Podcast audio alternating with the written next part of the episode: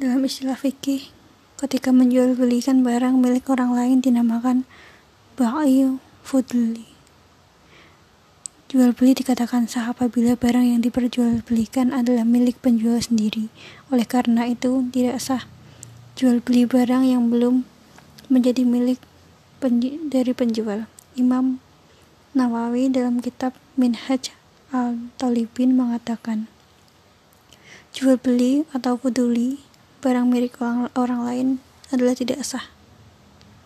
Terdapat pada kitab Minhaj Al-Talibin juz 1 halaman 95. Masalahnya kemudian dalam beberapa teks fikih juga diterangkan bahwa hak wakil adalah setiap pemilik.